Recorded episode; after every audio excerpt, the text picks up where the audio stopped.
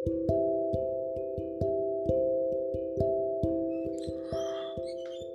kawan kuda, bertemu lagi dengan kuda ya. Wah, semoga semuanya dalam keadaan sehat dan masih bahagia. Kawan kuda ingat cerita nyanyian rimba minggu lalu? Minggu ini sesuai janji kuda, kuda akan melanjutkan ceritanya. Pasti semua penasaran kan? Kalau begitu, langsung saja kuda mulai bercerita. Burung berkicau pipi pi, daun menambai bibi ular menari ri ri ri, biar monyet tunjukkan jalan dan pakis menuntunmu pulang. Burung berkicau pipi pi, daun melambai bibi ular menari ri ri ri Biar harimau tunjukkan jalan dan pakis menuntunmu pulang. Seorang pemuda yang terpisah dari kelompoknya saat meneliti mengenai pelestarian hutan tropis menuju tanah lapang di mana Camali dan seluruh penghuni hutan sedang merayakan ulang tahun Ceta. Hiran, apakah semua sudah siap dibawa ke tempat pesta? Tanya Camali begitu kakinya menjejak di ambang pintu rumah Hiran.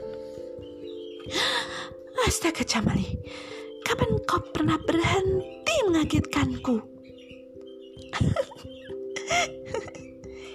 Camali terkikik-kikik. Kau saja yang mudah kaget Hiran, katanya. Jadi, sudahkah siap makanannya? Hiran menjawabnya dengan pandangan yang diarahkan ke halaman rumah. Di sana telah berjajar anak-anak Hiran dengan tumpukan makanan di atas punggung mereka. Yuk kita berangkat, matahari sebentar lagi terbenam, kata Hiran. Mereka berjalan membentuk iring-iringan. Camali dan Hiran berjalan paling depan sambil mengobrol. Mereka semua tidak sabar berpesta. Sapa dan keluarga ular bertemu mereka di tengah perjalanan, sehingga iring-iringan itu bertambah ramai. Matahari telah terbenam sepenuhnya digantikan cahaya bulan purnama dan kerlip kunang-kunang. Tanah lapang di tengah hutan rimba itu begitu meriah. Semua penghuni rimba hadir, Ceta sang harimau tampak begitu gembira dikelilingi penghuni rimba yang dipimpinnya. Bandar berdiri di tengah dan suara lantangnya terdengar. Wahai saudara-saudaraku penghuni rimba, wah!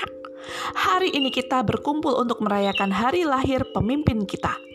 Kita bersyukur kepada Sang Pencipta yang memberikannya umur dan kemampuan untuk membawa kemakmuran dan keamanan bagi hutan kita ini.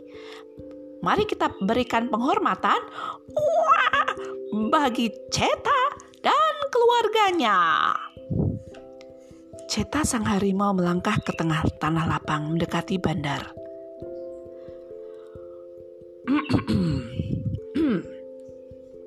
Saudaraku penghuni rimba, terima kasih untuk pesta yang meriah ini. Rasa terima kasih ini teristimewa untuk peri tercantik di rimba ini. Chamali. Terima kasih untuk perencanaan pesta yang pidato Ceta terputus oleh teriakan salah satu peri. Semua mata tertuju kepada sesosok manusia yang tiba-tiba berada di tengah mereka. Seorang pemuda yang lusuh, compang-camping dan sekarat menunjuk mereka, menggumamkan sesuatu sebelum ambruk ke permadani bunga.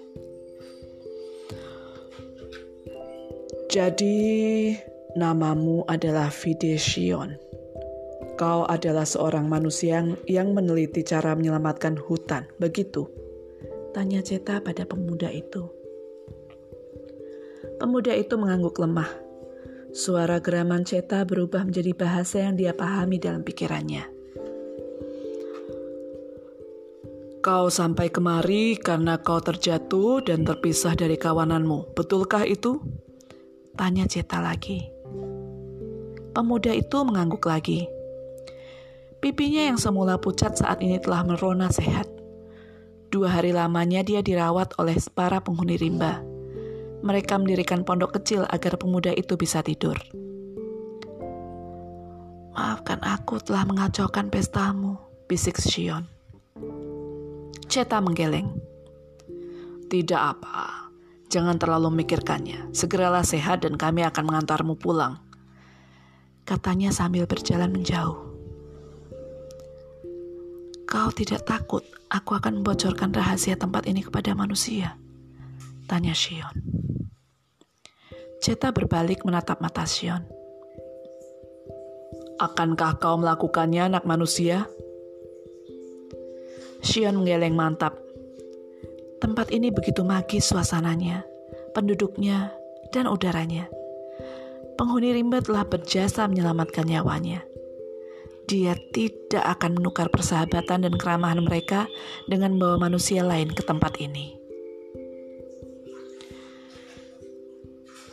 Seminggu telah berlalu sejak kedatangannya di hutan itu. Videsion telah menyerap begitu banyak pengetahuan tentang cara merawat tanaman-tanaman dan hewan-hewan langka yang tinggal di hutan itu. Shion berjanji akan menggunakan pengetahuannya itu untuk membantu melestarikan hutan. Pada pagi hari ke-8, Ceta dan Camali mendatangi Vide Shion di pondoknya. Shion tahu itulah saatnya untuk berpisah. Semua penghuni rimba datang untuk melepas kepergiannya. Shion merasa begitu sedih harus berpisah dengan mereka. Namun, seperti perkataan para tetua, ada perjumpaan, ada pula perpisahan.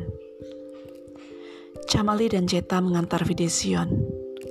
Sepanjang jalan didengarnya Camali bernyanyi. Burung berkicau pipi daun melambai pipi ular menari ri ri biar monyet tunjukkan jalan dan pakis menuntunmu pulang. Burung berkicau pipi pipi Daun melambai bibi bi Ular menari ri ri ri Biar harimau tunjukkan jalan Dan pakis menuntunmu pulang Seruan haru terdengar dari tepi hutan. Mereka menyambut Videsion yang dinyatakan hilang selama 10 hari. Ceta dan Camali bertukar pandang. Mereka tersenyum dan berjalan kembali masuk ke dalam hutan. 20 tahun berlalu. Hutan itu menjadi kawasan konservasi terluas di dunia. Penanggung jawabnya, siapa lagi kalau bukan Videsion, sang pengembara yang tersesat di hutan rimba. Dialah yang memperjuangkan kawasan itu karena selalu mengingat teman-teman yang telah menolongnya. Suatu sore dia duduk di teras rumah pohonnya yang menghadap ke hutan. Diambilnya gitar dan mulailah dia bernyanyi. Burung berkicau pip pip daun melambai pip pip, ular menari ri ri ri, biar harimau tunjukkan jalan dan pakis menuntunmu pulang. Dua pasang mata mengawasinya dari kejauhan. Mereka bangga karena sahabat mereka menepati janjinya. Terlebih lagi, sang sahabat mengingat nyanyian rimba. Nah, kawan kuda, bagaimana ceritanya? Wah, kuda senang sekali melihat kalian tersenyum sambil mendengarkan. Ya, kita semua bisa seperti Videsion. Tersesat, menemukan jalan pulang, dan melakukan hal-hal yang jauh lebih baik daripada sebelumnya. Kuda harap kalian semua selalu berbahagia, dan juga sehat. Tunggu cerita-cerita kuda berikutnya ya. Dah kawan kuda.